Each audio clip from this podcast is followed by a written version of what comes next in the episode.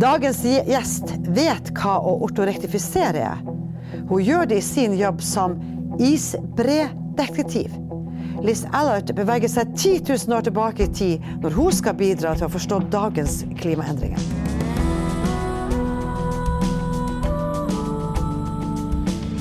Observatoriet. En forskningspodkast fra UiT Norges arktiske universitet. Med Geir Hevnskjell Ringvold, mannen som lurer på det meste, og Marit Anne Hauan, som bokstavelig talt lever av fortellinger. Og en ny, spennende forsker hver uke.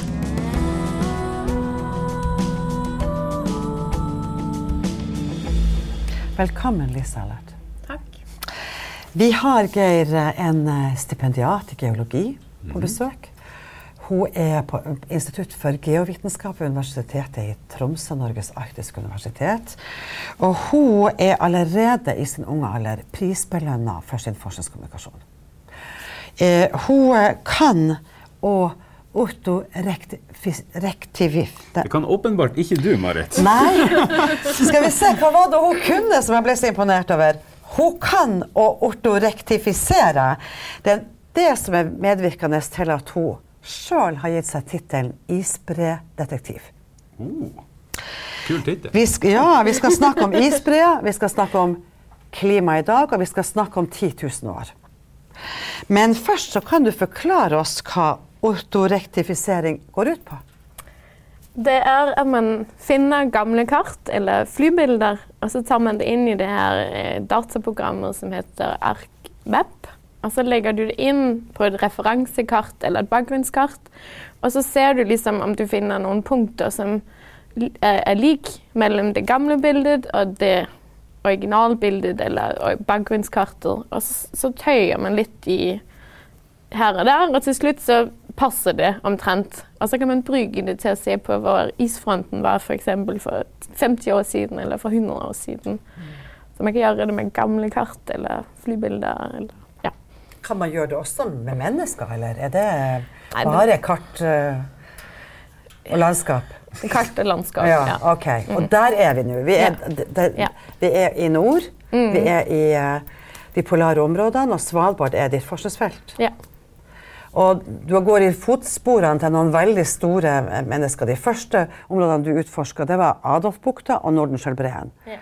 Da, da snakker vi om den sven, finlandssvenske forskeren som var den første som kom gjennom Nord Nordøstpassasjen i 1879.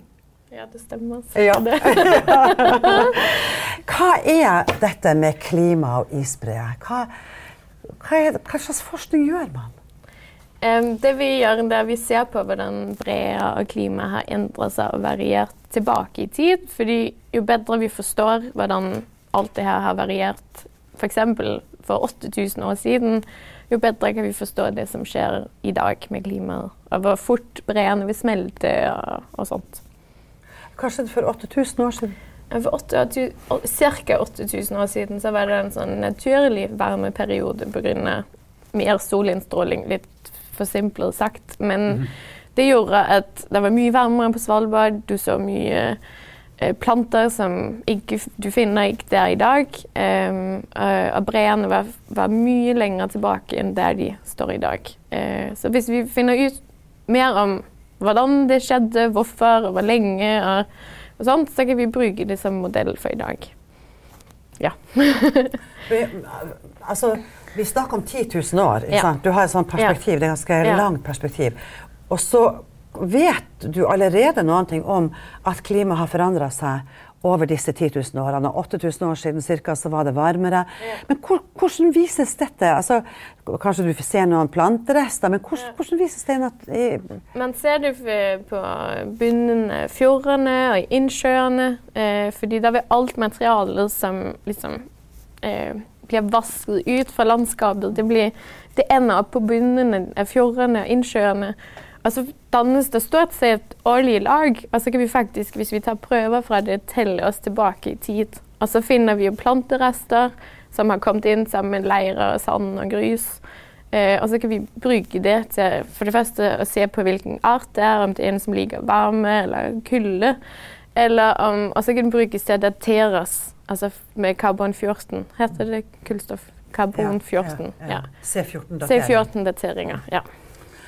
Ja, at, eh, og da, da er vi Bare for å forklare deres metoder. Det er ikke sånn Ja. at du står med spaden da og Iblant er det Gjør det? ja, det er hvis vi er på land. Så er det ofte mye graving fordi ja, Nå ble det veldig komplisert, men pga. siste istid så hadde vi masse is over Svalbard, så det dyttet landet ned. Men da isen begynte å smelte, så hever landet seg opp. Så mye av det som var under vann før, finner vi på land i dag. Så derfor det er ikke alltid vi trenger å undersøke fjordene, men vi kan faktisk gå rundt på land og så finne det samme som ja, ja, ja, er på bunnen av fjorden. Men, men i, i, i hovedsak så måten dere eh, driver på, det er rett og slett å sende sånn her eh, Hva du kaller det for noe? Um, Det er en borekjerne. ja, det er en type borekjerne, men egentlig så er det mer en sånn man hamrer den ned. Altså fra båt, fra Helmer Hansen, forskningsskipet til uh, UiT. Da drar vi ut på sommeren, og så sender man en sånn plastrør ned med vekt oppå, og så ser man hvor langt ned det kommer i eh, i på bunnen av fjordene. Og så tar man det opp. Og så splitter man det i to, og så ser man liksom på de her lagene. og på, ja. Det er jo utrolig spennende når du sier men nesten årlig. Det er jo sånn som vi undersøker trær. Vi skjærer dem over, og så Ja. har vi årringer. Det er litt Altså, det samme. Det er litt det samme. Ja, det er ikke alltid man ser de her årlige lagene i fjordene, men i innsjøene, da gjør man. Fordi innsjøer de fryser til på vinteren. Det vil si, da er det lokk på, så da kommer ingen vann, eller veldig lite vann inn. Så da er det bare veldig, veldig fine leirepartikler partikler som finnes i vannet fra før, som synker ned. Men på sommeren, eller på våren, så blir all snøen smelter jo. Altså tar den med seg sand og grus kanskje, og litt større partikler som skal komme inn. Og så blir det et grovere lag, og det vet man da er sommerlageret. Altså det fine lageret, det er vinterlageret. Og så har man et, et helt år. Og så hver gang man finner et sånt par, så har man jo ett år, så kan man gå tilbake. Og da kan vi gå kanskje 8000 år tilbake i tid, 10 000 år tilbake i tid. Det, det som jeg du som folklorist kaller for havbunn og gjørma i havbunnen, Ja. det har dere et annet begrep for. Ja, sediment. Ja. Ser du det? Ja. Det er helt fantastisk. Språkrike mennesker. Men eh, når vi eh, jeg, blir litt sånn eh, usikker på er, er, Kan man bare si at slik og sånn som det skjedde for 8000 eller 6000 år siden, sånn vil det skje nå? Er det, er det helt parallelle verdener, eller Nei, det er jo ikke det. Nei. Eh, Er det modeller dere det, bygger? ja, eller det vi liksom samler inn, det kan så brukes til modeller. Mm. Eh, Ja. Ok, Ja. så, så nå har vi gått inn på hva du driver med, Ja. og vi har gått inn på eh, hvordan du jobber. ja. Og da er det jo veldig spennende å høre eh, hva er de kanskje liksom mest spennende funnene dere har gjort mellom i dag og for 10 000 år siden? Åh, det var Du nevnte en, en, en varmeperiode, Ja. og, og det vil si at uh, det her er ikke Det er det vi leter etter, om vi ser liksom uh, okay. ja, nå. For jeg har ikke kommet så langt med det her uh, doktorprosjektet ennå, men eh, Ja. Men man ser det liksom rundt Svalbard langs vestkysten. Er det masse de her sedimentkjerner fra, fra, fra havbunnen og masse innsjøstudier. Men ikke så mye fra den nordlige delen, og det er derfor vi jobber der nå. Hvor henne jobber du nå? Eh, I delen av Veidefjorden, som det heter, eh, ved Femmilsjøen. Ja, da er du nesten på 80 grader nord. Ja, nesten 80 grader nord. Ja. Ja. Mm. Men eh, du nevnte så vidt at det var en, en periode for 800 år siden, og det vet vi. 8000. ja, beklager. Viktig, viktig detalj. Ja, cirka. Eh. Så, eh, eh, og og den, den klarer dere kanskje å bruke som en sånn her eh, pekepinn når dere graver Ja. opp? Og, kanskje. Kanskje. kanskje, OK. Men man ser den i kjerner, man ser den liksom globalt. Ja. Ja. Mm. Og eh, mellom der da og i dag, er det andre ting som dere har blitt liksom overraska over? Um, ja, vi driver og undersøker faktisk eh, andre deler av den nordlige delen av Svalbard nå, hva vi ser um, Kanskje ser en sånn morene som en haug som er blitt dyttet frem med en isbre på et tidspunkt midt i denne varmeperioden, eller som en ellers tror en varmeperioden. Og det er jo litt komplisert, så det forsøker vi liksom å finne ut av. Hvorfor er det det skjer? og Kanskje de breene på Svalbard sverrer mer på endring i nedbør enn egentlig på direkte kulde. Og det er derfor det er så viktig å jobbe med, med flere arkiver i samme område, eller et begrenset område. Og hva, hva, hva, mener du med ordet arkiv? Eh, arkiv, da mener jeg de her sedimentkjernene fra, fra innsjøer og fra fjorder, pluss de her gamle flybildene f.eks., som man kan bruke til å fortelle en landskapshistorie. Ja, og spor etter isbreene, som vi finner på bunnen av fjordene. Og det, mye av det som eh, eh, er med på å påvirke klimaet, særlig oppe i, på Svalbard, og sånt, det er Golfstrømmen. Ja. Hvor lett er den å spotte i de sedimentprøvene?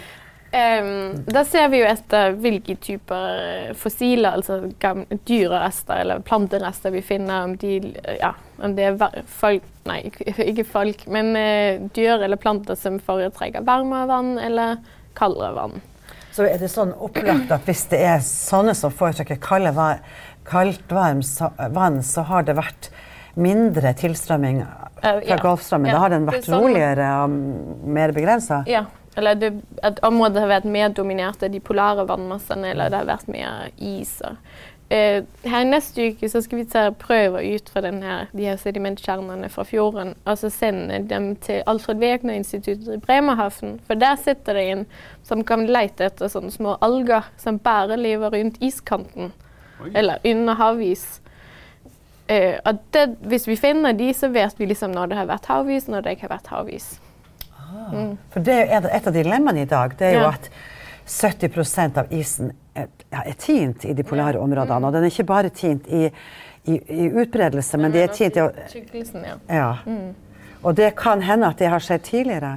ja. Ja.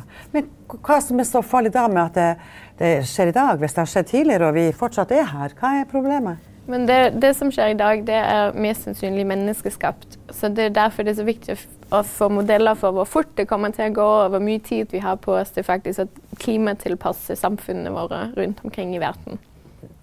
Kan vi snakke litt om den der isbredetektiven? Ja.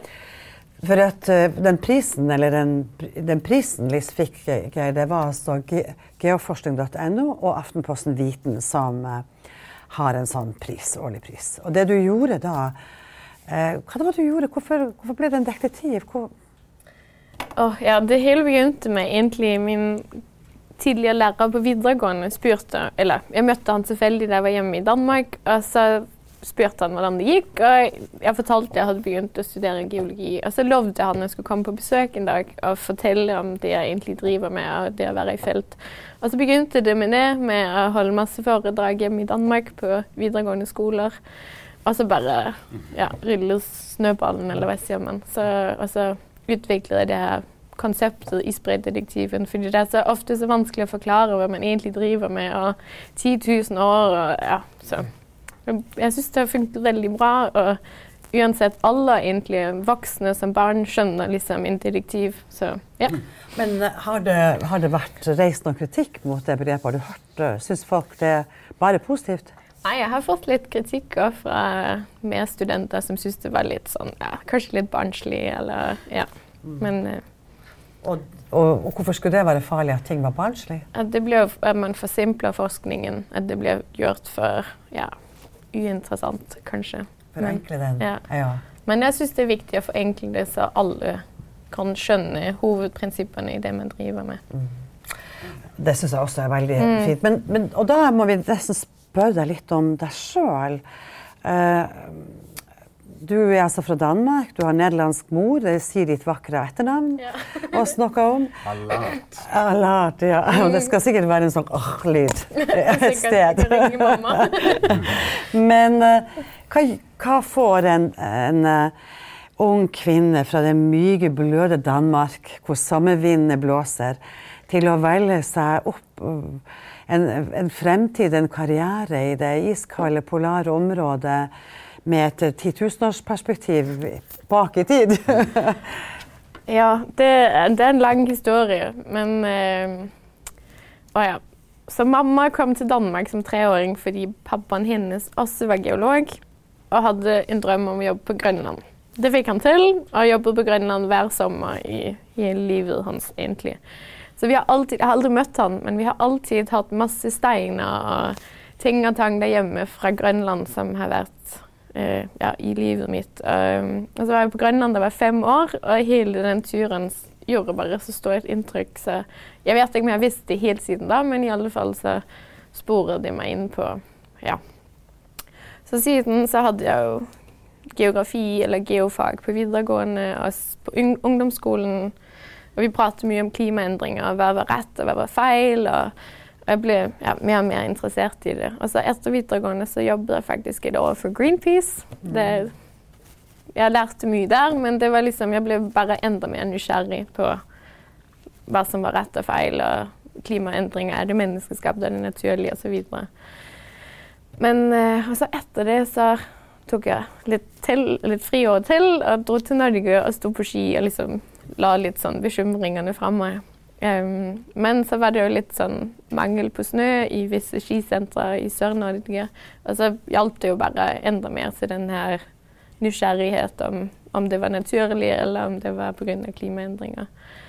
Uh, og så søkte jeg inn på NTNU, fordi da hadde de en sånn linje med bachelor i arktisk geologi med et år på Svalbard. Og da kom jeg inn og tok sjansen og ja, endte med å være tre år på Svalbard. Og nå jeg så flyttet til Tromsø og holder på med doktorgrad her. Ble du bitt av den kjente polarbasillen? Ja, jeg gjorde det. Det er farlig sykdom. Det er en uh, imponerende reise. Da. Men jeg må bare spørre deg litt. Grann, Greenpeace. Ja. Og du prøver å, å forholde deg liksom nøytral til resultatene og ikke Mm. eh, eh, ha bestemt deg for at det her er oss mennesker. Nei, det, har det er det konsensus om blant Ja. klimaforskerne. Så det er liksom Men klarer du liksom å, å nullstille helt det der? Eh, ja.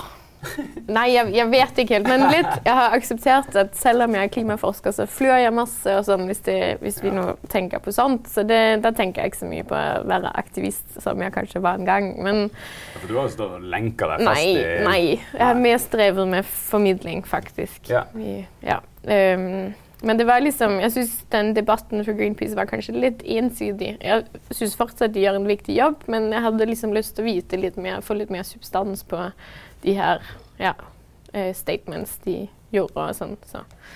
Ja. Hva tenker du skjer med forskningsinstitutt og universitet dersom samfunnet rundt oss oppfatter at vi er en gjeng med vernere, i tillegg til at vi er forskere? Hvilken troverdighet får vi da i ver- i verden rundt oss? Da mister de kanskje troen på oss. eh, og det er der det kommer inn at det er så viktig med formidling. At det må formidles, det vi gjør, på en måte som er lett forståelig og innbydende og interessant. Men, men Ja, altså det, det kan godt hende at du har rett i det, men, men allikevel så vil vi kanskje stå der med World Wildlife Fund eller Greenpeace-merket vårt, som vi har Eller, eller for å komme inn på en annen side, Statoil. De er inne på alle geologiinstitutter i Norge. Ja. Så det, Ja, ja, ja. Så det Det er begge deler, ikke sant? Solution har sponset masse forskningsprosjekter og sånt. Så det, Er, er det farlig? jeg syns det er farlig, ja. Ja. Vi må bevare troverdigheten og ja, nøytraliteten. Det er et veldig interessant standpunkt. Ja. Fordi at vi får jo i ytre, De ytre presset fra vår egen regjering og myndigheter er jo at vi skal, vi skal samtale med næringslivet, vi skal gå i takt med næringslivet. Men du, du har en idé om at det Ja, det er jo viktig det òg, for forskningen skal jo brukes av næringslivet, av folket. Men det, altså, jeg syns det aller viktigste er at det blir nøytralt. Ja. Men det er kanskje en annen diskusjon. Jeg vet Nei, ikke. det er samme diskusjon. Ja, okay. For forskninga jo også har jo For spørsmålet er jo sånn Har vi Har de forskning samfunnsrelevans? Ja, den har det. Eh, klimaet i Arktis det endrer seg dobbelt så raskt som i det globale klimaet. Så derfor må vi liksom vite akkurat hva som skjer, og hvorfor det skjer, og når det skjer. Eh, fordi det kommer bare nærmere eh, samfunnet våre. Vi er jo faktisk, bor jo i Aktis her, eller i nordområdene. Så vi, kommer, vi merker det jo her i Tromsø òg, ganske tidlig. Hele Nord-Europa sliter vel litt hvis eh, Golfstrømmen bestemmer seg for å slutte Ja. å ta turen innom oss. Ja, Og det er jo også ting du finner igjen i dine ja, prøver. Mm. Golfstrømmen. ja. Ja. Men hva, hvis vi tenker oss et sånn 50-årsperspektiv, hva tenker du har skjedd med den forskninga du driver? Hvor er forskninga da? Hva, er våre spørsmål? Og Fått flere bilder, da. Ja. Som du kan eh, Lagt opp. Men det kommer jo, det er jo det er ganske, kommet ganske bra bilder fra hele nordområdene. Vi får bedre og bedre satellittdata osv. Så, videre. så man har mye mer kontroll på hvor isen er, havisen er i alle fall, tror jeg. Og vi kan kanskje måle ganske ordentlig hva som skjer med breene uten at vi trenger å reise til, til Svalbard. Eh, men for, forhåpentlig så vet vi mye mer detaljert hva som har skjedd de siste 10 000 årene. Og derfor kan vi mye mer detaljert forutsi hva som kommer til å skje de neste 40 årene, kanskje. Ja.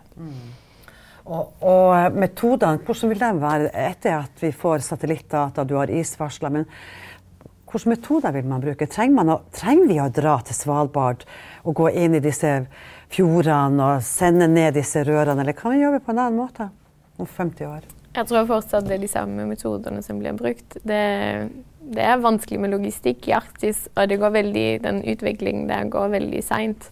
Selvfølgelig vil det være mye mindre sjø, så det gjør at man kan undersøke mye større områder og få mye mer kunnskap. Ja. Det er egentlig det eneste fine du tar med deg fra klimaendringen. At det er flere plasser å undersøke. Ja, det er, altså, jeg husker jeg kom inn på kontoret til en veileder på Unis en gang.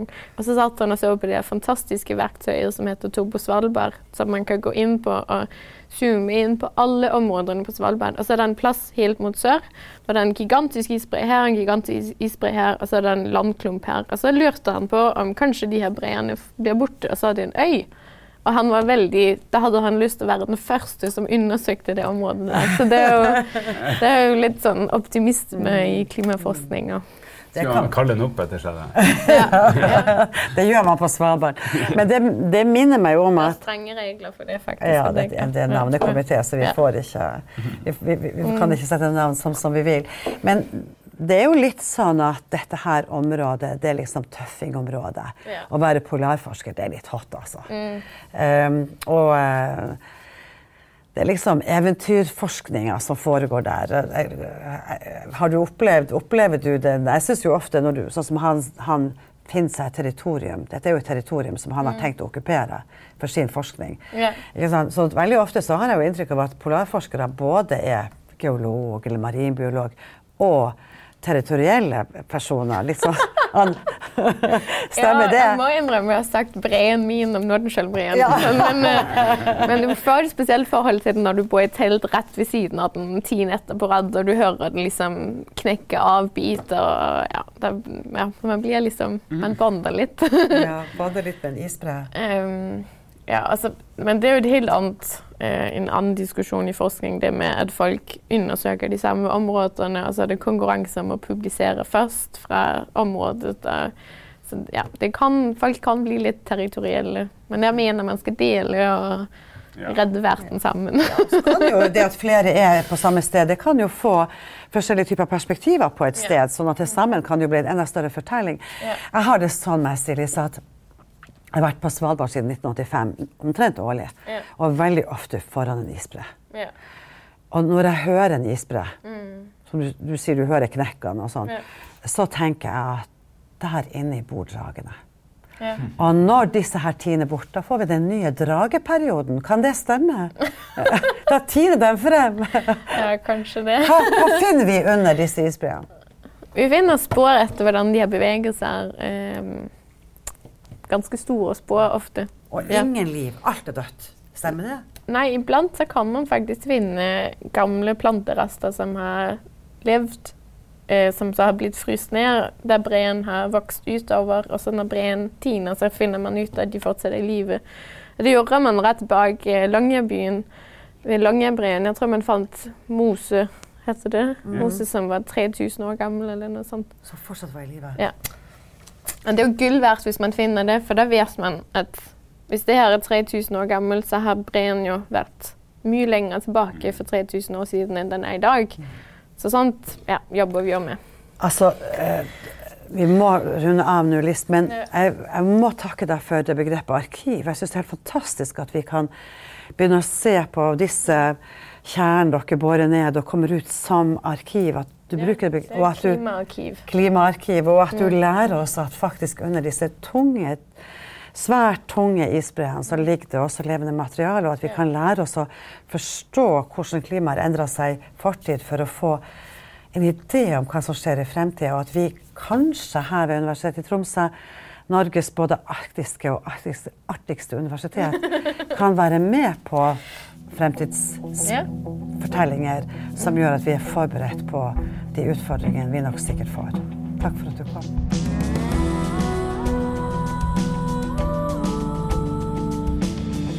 Vil du lese mer om relasjonene mellom isens bevegelser for 10 000 år siden og vår tids klimaendring? Ja, men da kan du gå inn på nettsida uit.no 50.